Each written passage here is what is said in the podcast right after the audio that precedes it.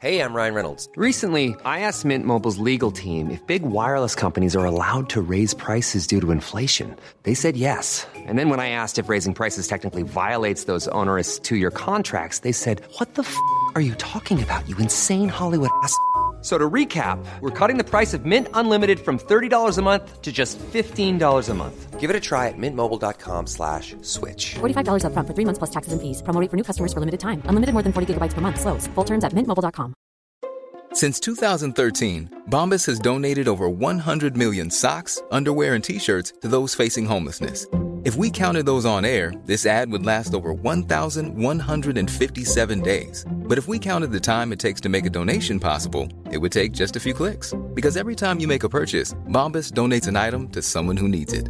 Go to bombas.com slash ACAST and use code ACAST for 20% off your first purchase. That's bombas.com slash ACAST, code ACAST.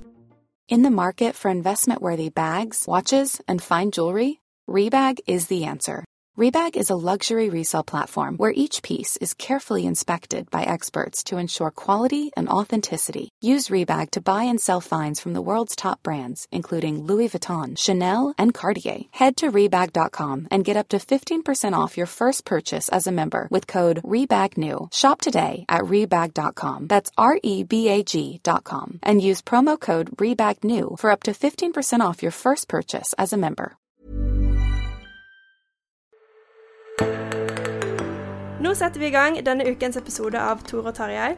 Jeg er ikke Tore. Jeg er ikke Tarjei. Vi er sommervikarene i dagen. Jeg heter Gerd Vårin. Jeg er 23 år og studerer til å bli lærer på HVL i Bergen. Og jeg er Miriam. Jeg er 24 år. Jeg er akkurat ferdig med en bachelorgrad i medievitenskap. Og jeg er David. Jeg er 25 år gammel. eh, Og jeg har nettopp blitt ferdig med lektorutdanning i nordisk, så jeg skal begynne som norsklærer til høsten.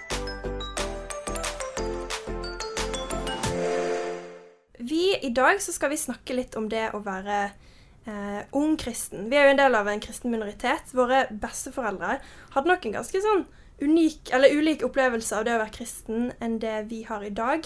Um, så vi skal snakke litt om det der å være studenter, fordi det har vi vært i noen år. Um, og det å være kristen student har man jo ganske ulike erfaringer. Så vi kommer til å liksom prate litt om det, og så skal vi òg snakke litt om bakgrunnen til noen av oss. Men først av alt så har vi Vi har jo alle vært studenter eh, en stund, og eh, det å være kristen som student kan være litt forskjellig. Hvordan har du opplevd det, David? Eh, Jeg kom jo rett fra Nordfjord folkehøgskole eh, og opp til Trondheim.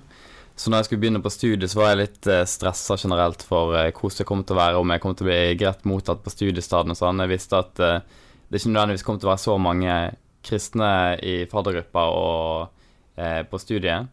Eh, så jeg hadde sett allerede noen bilder av eh, minglinger fra fadderveka eh, året før, der jeg sto nede i en sånn mørk kjeller og holdt en øl og snakka om litteratur, tenkte jeg da. Så jeg siste kvelden før jeg skulle opp til Trondheim, så sov jeg ganske dårlig, for jeg tenkte sånn Nå, nå sitter jeg i det. Så kom jeg opp der og møtte mange av de jeg hadde gått på folkehøyskole med, og så var vi klare for, for fadderveka. Eh, og da merka jeg ganske tidlig at det var et annet fokus enn det Jeg merka det at eh, de forventningene jeg hadde, eh, stemte ikke helt, men eh, det var absolutt eh, et fokus på, på øl i kjelleren, på en måte. Ja. Mm. Hvordan forvent var forventningene dine på en måte ulike enn det som var virkeligheten?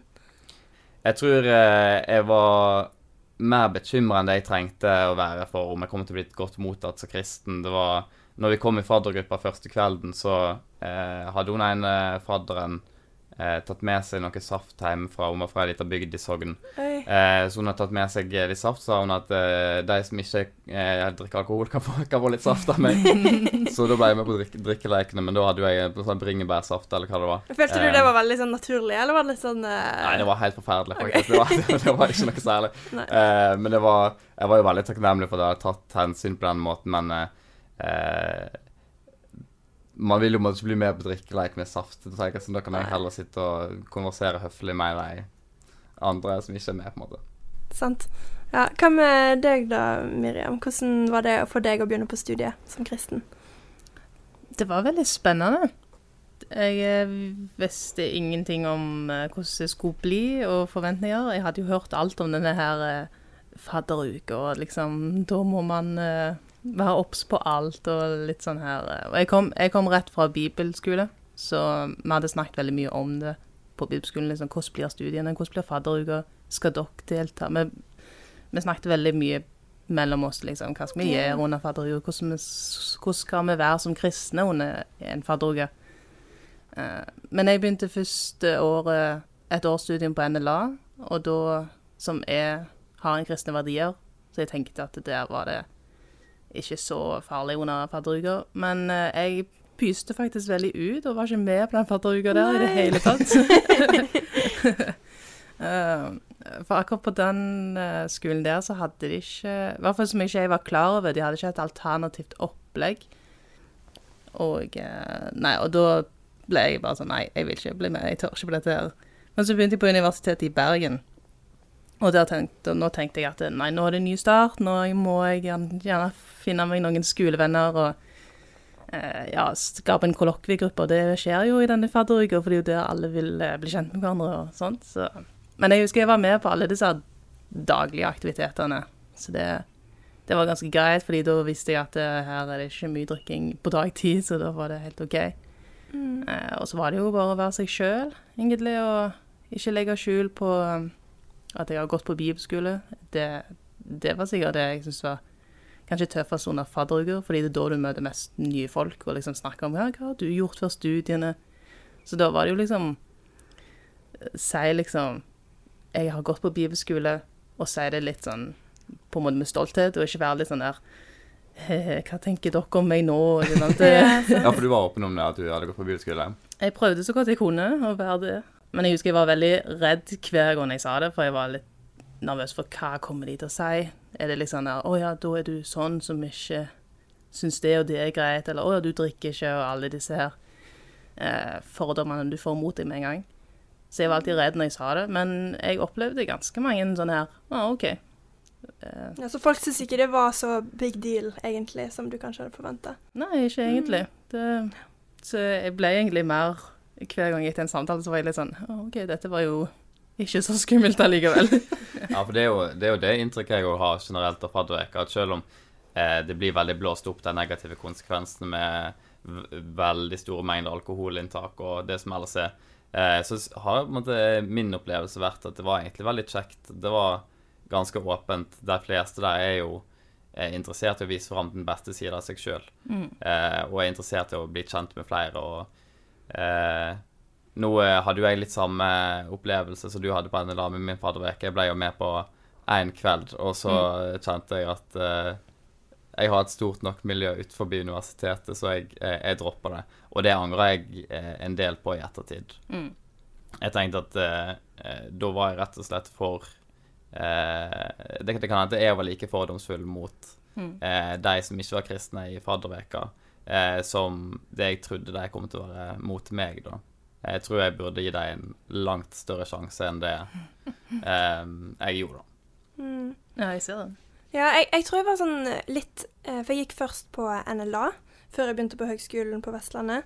Eh, På NLA så var jeg med på en del ting på dagtid, eh, men på når jeg begynte på høgskolen, så visste jeg liksom at ok, her skal jeg gå i fem år. Så da tror jeg jeg la en litt større på en måte eh, Pusha meg sjøl litt da på å være med på ting, sjøl om jeg kanskje syntes det var litt ubehagelig å skulle eh, være med på kveldstid. Så da var jeg med på en av kveldene, um, og det var egentlig veldig, det var veldig kjekt. Vi um, jeg syns det var litt kanskje større variasjon på de tingene vi gjorde. Vi var på sånn quiz, så det var ikke bare som vi skulle være hjemme hos noen og feste, på en måte, for det var det jeg kanskje hadde forventa. Um, men jeg var litt skuffa når jeg For jeg fikk liksom med meg det at alle de tingene som fadderuka på HVL hadde arrangert, sånn som eh, fotball, og alle de tingene som var liksom bare sånn idrettslige ting. Alt det ble avlyst. Så det ble litt sånn der Ja, alle de tingene som jeg hadde liksom sett for meg, det her skal jeg være med, det her skal jeg være med, det ble avlyst. Så det ble litt ja, mindre, da. Så det var jeg litt skuffa over. Um, men um, ja, det jo Det var jo Jeg, fikk, jeg ble jo kjent med Jeg kjente noen som um, utenfra, da, som jeg var litt med på skolen de første dagene. Uh, men det er, jo, det er jo litt Det er jo bare det å begynne ny som student. Det er jo noe jeg tror alle syns er skummelt, ikke bare de kristne. Um, så jeg tipper jo litt sånn som du sa, David, at det er jo noe Man har nok like mange fordommer mot de ikke-kristne som det man tenker at de har mot seg sjøl. Det er jo litt interessant. Ja, for jeg merker det, jeg, jeg søkte jo veldig mot de som jeg tenkte eh, kanskje var litt likesinna. Så det var hun ene i faddergruppa mi så jeg at hun hadde ikke alkohol, f.eks. Eh, så hun tenkte sånn ah, shit, da blir vi på en måte Vi blir den edruelige gjengen i faddergruppa. Ja. Eh, så igjen, på en måte utover kvelden, da, den ene kvelden jeg var med, eh, så preika jeg en del med hun, og da merka jeg at hun ble i bedre og bedre humør. Ble mer og mer sosial. Eh, og til slutt så skjønte jeg at eh, hun hadde en spritflaske Nei. i veska si under bordet. så hun blanda ut safta med det. Så jeg, jeg trodde vi var bringebærsaftgjengen, eh, men så var hun det egentlig. eh, hun var bare en luring, var rett og slett. rett og slett. Men det gjorde det veldig komfortabelt for meg å snakke, og jeg tenkte vi var den gjengen. Eh, Lurte deg helt rundt.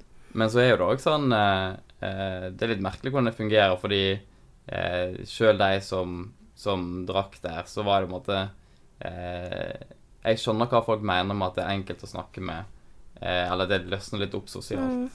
Eh, fordi noen av dem ble veldig greie å snakke med. Eh, og så når jo det det punktet på kvelden der hvis de har fått i seg for masse, så, så begynner det å bli veldig krevende. Og da syns jeg det er ubehagelig eh, å skulle være edru, for da merker du at folk eh, kanskje blir veldig bevisst på at du er der, og på at du er edru. da. Og at de kanskje forholder seg annerledes til deg. Hva syns dere egentlig om det alkoholpresset i, i- i studietiden? Eller er det et alkoholpress i det hele tatt? Det er det. uh, selv om liksom De står fram og presenterer fadderuka. Du sitter på første skoledag, og så masse nye inntrykk, mange nye folk rundt deg, og så kommer denne faddergruppa inn og liksom Hei, hei, vi skal opplegge i kveld.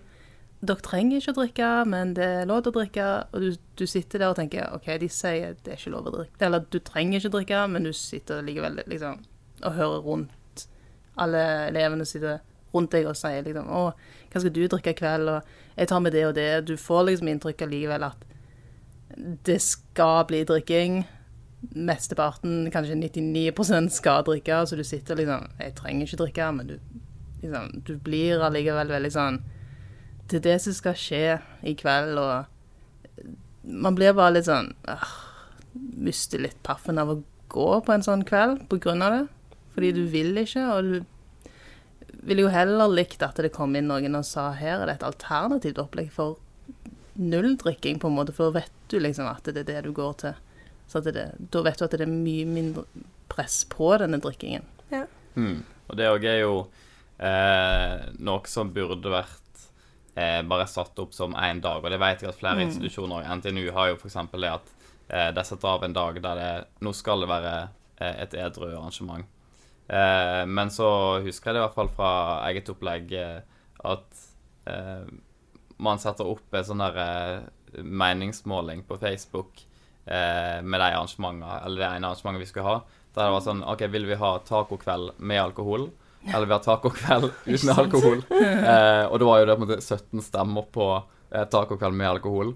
Eh, og da kjente jeg at jeg ikke var helt klar for å måte, bli den første som stemte på tacokveld uten alkohol.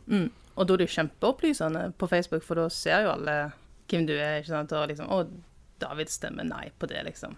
Ja, det blir jo Altså- absolutt det blir veldig synlig.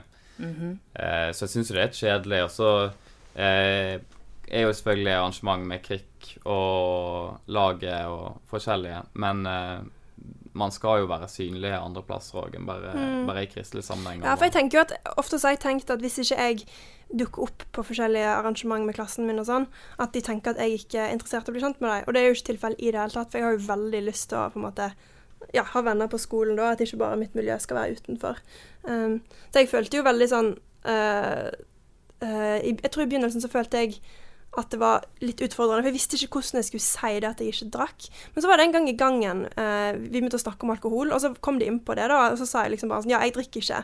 Eh, men det er ikke fordi jeg er kristen, det er egentlig fordi at jeg har vokst opp i eh, et land i Sentral-Asia hvor de fleste familier enten hadde noen i familien som drakk, eller var alkoholikere, eller ble påvirka av det. Og så så jeg på en måte bare hvor ekstremt ødeleggende det var for hele samfunnet. For de har et ekstremt stort alkoholproblem. Um, så jeg bestemte meg ganske tidlig når jeg var jeg tror jeg var sånn 12 år, at jeg bare ikke hadde lyst til å drikke. Og det var, det var jo litt Jeg visste jo Foreldrene mine var jo eh, Jeg har vokst opp i en kristen familie, og de, faren min spesielt um, har jobbet en del i, um, i russen uh, som lege, og han har jo på en måte vært veldig tydelig på liksom, Jeg drikker ikke på grunn av at det er så ødeleggende, da. Uh, men det er ikke fokus. Liksom, når en snakker om alkohol i Norge, så er ikke det sånn. Folk snakker ikke om på en måte at alkohol er den, det største på en måte rusproblemet i Norge, egentlig. Um, og spesielt ikke blant studenter. tror jeg at Hvis man hadde sagt at lurt Fordi jeg har lest sånne studier på at um, jeg tror én av tre føler seg presset til å drikke mer enn det de er komfortable med. Jeg tror det var en fra Vinmonopolet hadde en sånn studie for et par år siden. Ja. Men eh, har dere snakket med medstudenter om drikkepress, eller er det på en måte bare noe man føler på, men ikke snakker om? Det er jo litt sånn interessant, tenker jeg. Hmm. Ja, godt spørsmål. Um, jeg tror faktisk ikke jeg har det. Uh, I hvert fall ikke med studievenner.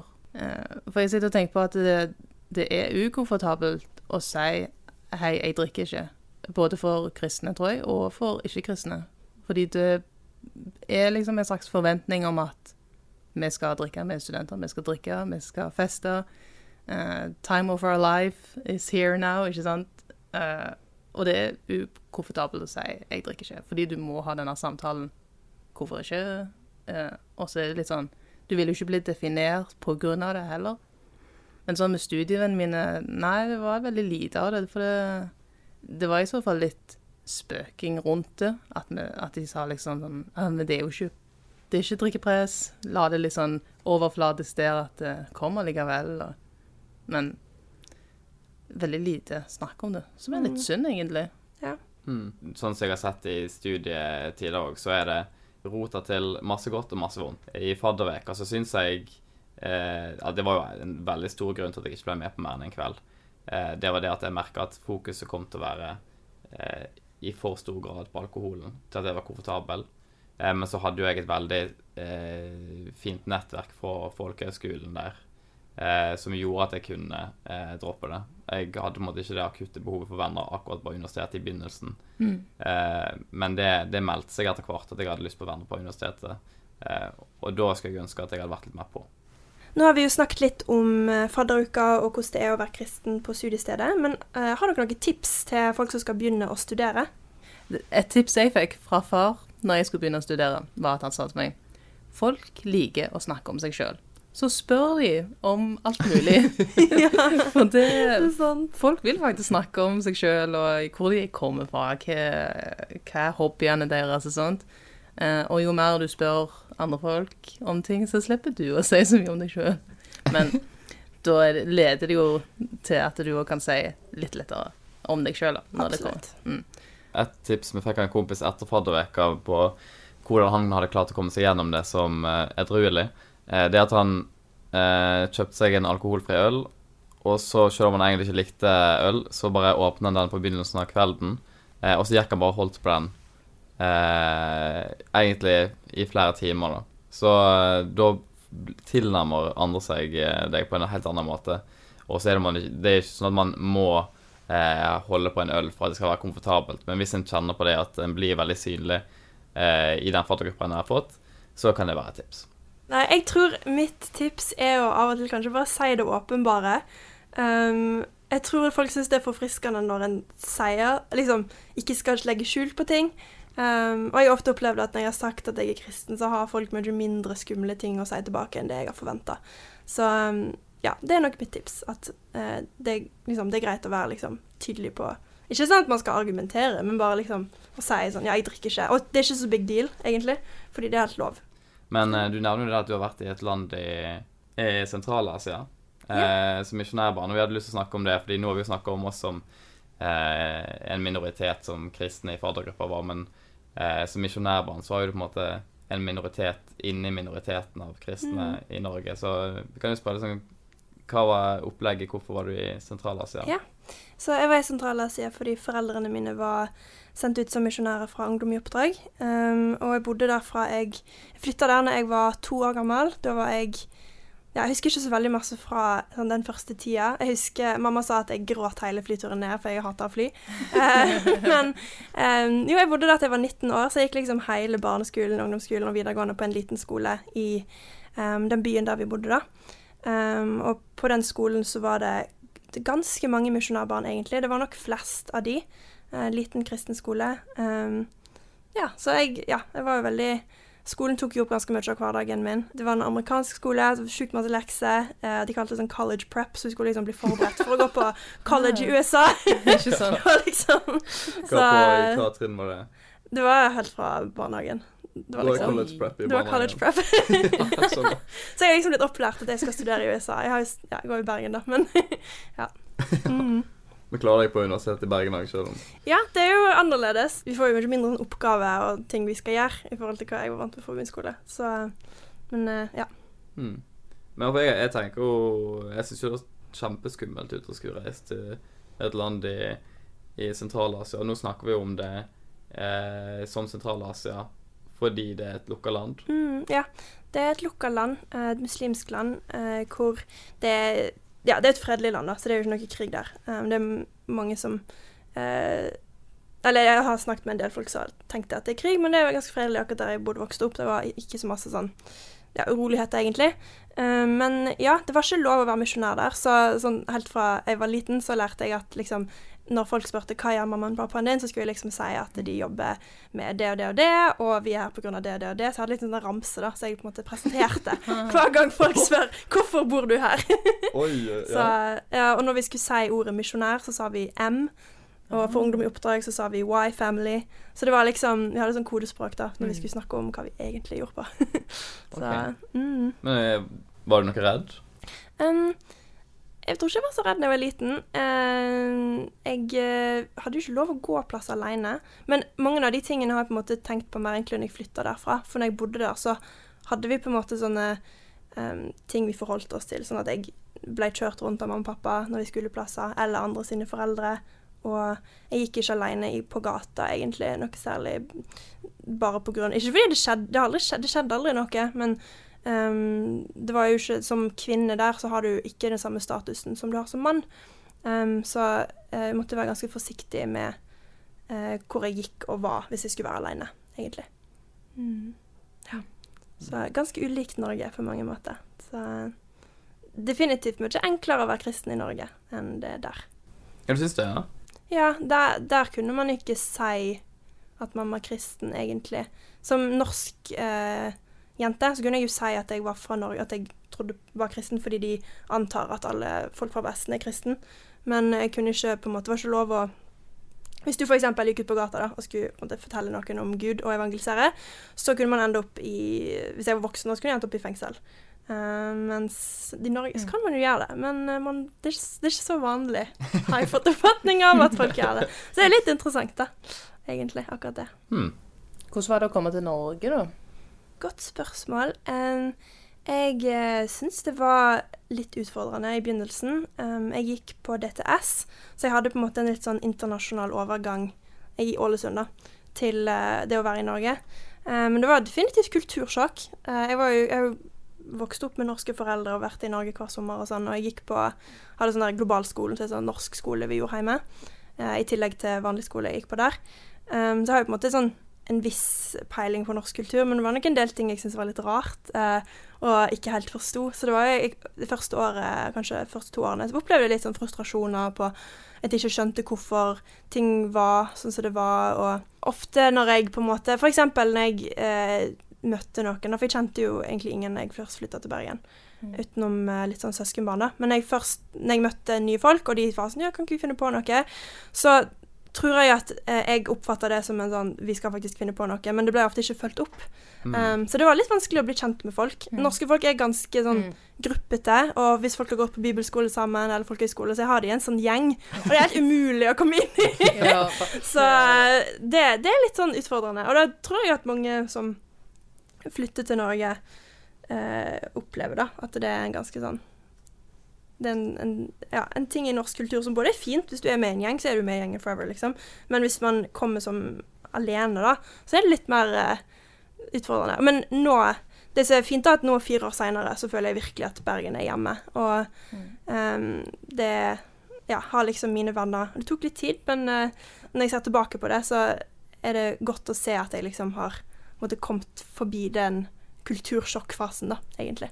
Hmm. Du har vokst opp i et annet land. Du kom til Norge i en voksen alder. Er det noen mattyper her i Norge så du liksom Hvorfor har jeg ikke hatt dette resten av livet F.eks. Brunost. Ja. også? Hva syns du om sånne ting som Brunost, i Norge ja, ja, er brunost tok vi med oss på flyet. Så jeg hadde vanligvis en tung sekk når vi reiste ned, fordi jeg hadde masse brunost med meg. Ehm, og Grandiosa er i min familie liksom sånn lørdagstreat, fordi det er ikke vi vant med, så det er veldig godt fortsatt. Og vi tenker på det som sånn der god norsk mat. Ikke sant? Eh, jeg vokste opp med at Toro var sånn fancy middag fordi vi fikk det fra Norge. Ikke sant? Eh, så nå syns jeg ikke det lenger, men da jeg var liten, så syntes jeg Toro var helt sånn amazing. Det var sånn Bali kyllinggryte var liksom det beste jeg kunne spise. Så Det er, sånn, det er fancy mat for deg, og for uh, kanskje David og meg er det studentmat. ja, sant. Absolutt. Dessverre. Mm, ja. Ja, fordi um, Men du sier jo det der at eh, det var litt rart å komme til Norge, på en måte. Og jeg går ut fra at uh, det var jo en kultursjokk i begge retninger, kanskje. Var det, fikk du noen spørsmål? Det ja, noen rare spørsmål? ja, eller ikke ofte, da. Noen har jo spurt sånn Har du gått på skole? Kan du norsk? Um, jeg pleier alltid å svare sånn Jeg vil ikke at folk skal føle seg flau fordi de har spurt et dumt spørsmål, på en måte. Mm. Dere reiser jo ned eh, for å misjonere. Eh, hvor eh, stor del av hverdagen er misjoneringa for en misjonærfamilie? Ja. Jeg var ikke på skolen, så på dagtid var jeg ikke hjemme. Men um, jeg tror mye av det foreldrene mine jobba med, var liksom det å, å følge opp lokale kristne. Um, mamma sa at ofte når hun tok taxi, for det var veldig sånn pirattaxi er veldig vanlig, da, at du liksom bare stikker ut armen, og så stopper det en bil, og så sitter du på. Um, når hun var i bilen med folk, så pleide hun ofte å liksom prate med dem om tro, fordi um, folk der er veldig åpne om tro. Det er ikke en sånn fordi alle tror på noe, så er ikke det en sånn personlig ting. Og alle har en tro på et eller annet åndelig, egentlig. Det er jo helt vanlig. Det er veldig få folk der som er ateister. Um, så det, var, det kom veldig fort opp i samtale. Og jeg ofte liksom òg hvis jeg møtte på Eller sånn Jeg spilte jo basketball, da. Så det var jo på en måte den plassen, min arena, til å møte eh, folk som ikke var kristne. Um, og det var litt kult, for da fikk jeg faktisk muligheten til å reise til et annet land i den regionen. Så det er ganske vanskelig å komme inn som misjonær, da. Uh, hvor vi fikk lov å møte masse unge jenter som spilte for deres nasjonallag, og liksom snakke Ah, med de, og vi ga, Jeg tror vi ga de bibellag uh, når vi skulle si ha det. Jeg vet ikke om hva de syns. Jeg fikk aldri spurt dem hva de syns om det. Men det var sånn bibelsmugling gjennom basketball. Så, Ja, mm. Ja, for du, ble- følte du at du ble en del av misjoneringa? Eller Ja. på hva tidspunkt begynte du å bli en del av det? Mm. Huset mitt var Jeg følte det var som en togstasjon, for alltid masse folk inn og ut hele tida. Eh, så var jo, jeg følte jo at jeg fikk liksom en relasjon til de mamma og pappa jobba med. Um, og de jobba jo mest med lokale folk. Det, ofte så er unge kristne der har ikke foreldre eller eldre ledere de kan snakke med. Så mamma og pappa var jo litt sånn mentor for ganske mange. Så det var litt som det de jobbet med. Altså jobbet de med en sånn anti-trafficking-organisasjon. Og da hadde vi, ikke ofte, men en del av de jentene kom på besøk til oss og spilte kort med oss. Um, og det var jo folk med en skikkelig heavy bakgrunn, men jeg tror for deg så betydde det masse det å komme inn i et hjem som fungerte, hvor det var en mor og en far som fortsatt var glad i hverandre. For det er jo ikke, er jo ikke normalt der at folk har fungerende familier av, sånn som jeg sa tidligere, alkohol har ødelagt så mange familier. Så dere hadde besøk av de jentene som var blitt utsatt for menneskehandel?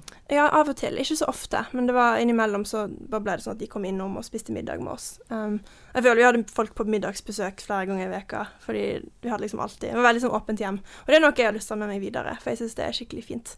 Og det var, der er ikke sånn at du må avtale besøk, der bare kommer folk plutselig. Og det er bare liksom Ja. Så det er litt forskjell fra mellom Norge. Jeg vet ikke om dere tenker det, eller kjenner igjen det at man har et veldig åp... Eller at det er vanlig å avtale, da. Det er at man møtes. I mye større Det er, grad. nok- det er nok absolutt det vanligste. Jeg tror Ja. noen hadde bare dukka opp jeg hadde, jeg hadde reagert på det, selv om det sikkert hadde vært hyggelig. Ja, absolutt. Mm. Men uh, ja, fordi man har jo sannsynligvis sett en del Jeg husker tanta mi som er misjonær. Hun har fortalt meg noen historier om så masse elendighet som en må se på en måte som misjonær i, eh, i Asia. Eh, og du har, sier jo at du har hatt besøk av jenter som har blitt utsatt for menneskehandel. Men hvordan var det for deg som relativt ung person å måtte se en del elendigheter hvis du gjorde det? Ja. Um, jeg gjorde nok sikkert det. Jeg tror ikke jeg tenkte så veldig masse på at det var så rart, fordi det var veldig vanlig. Vi hadde jo naboer som var i veldig vanskelige situasjoner, så jeg, jeg føler jeg liksom ble ganske vant til å møte folk som hadde det tøft. Og ikke at det var normalt, men ja. Jeg, jeg tror jeg tenkte mer på at det ikke var normalt når jeg flytta derifra. Fordi man blir jo vant til en normal normaltilstand der man er, på en måte. Um, Så jeg tror når jeg kom til Norge, så brukte jeg nok en del tid på å bearbeide ting som jeg hadde sett og opplevd, som jeg egentlig ikke tenkte over at det var merkelig når jeg var der. Eller ikke merkelig, da, men at det var ikke normalt for en eh, i den alderen jeg var, kanskje. Eller når jeg først kom til Norge, så syns jeg det var Da gikk jeg gjennom en ja, litt sånn tung fase psykisk, da, fordi jeg syns at det, det var så tøft å skulle forholde seg til at jeg visste at jeg kjente folk som sleit da, um, der. Uh, og da var liksom det å bearbeide og lære seg liksom det å, hvordan man håndterer sånn, følelser som er tunge, og når ting ikke føles så lett.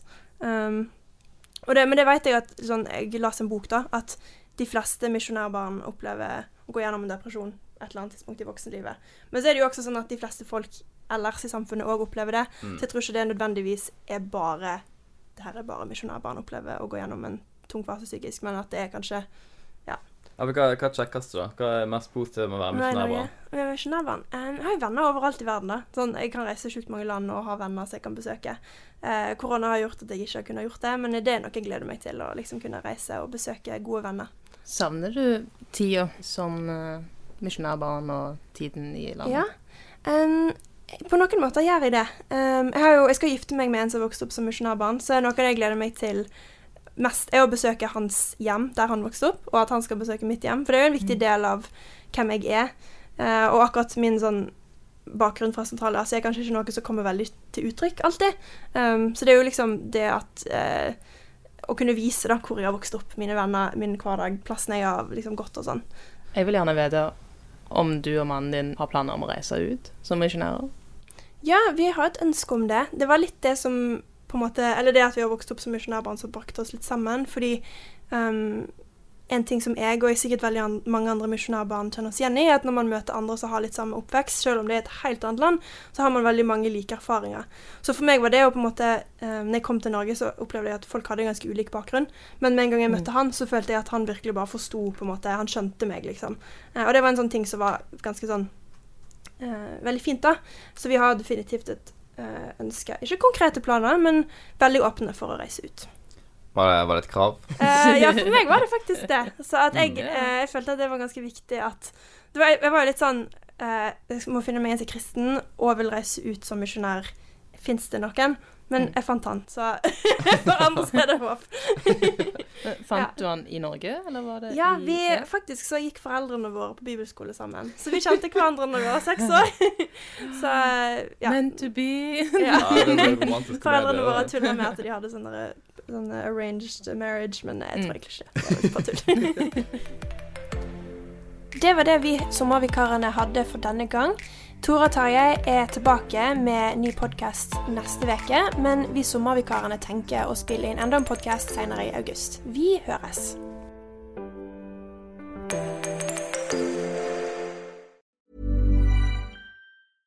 Selling a little or a lot? Shopify helps you do your thing however you cha-ching. Shopify is the global commerce platform that helps you sell at every stage of your business. From the launch your online shop stage to the first real life store stage, all the way to the did we just hit a million orders stage.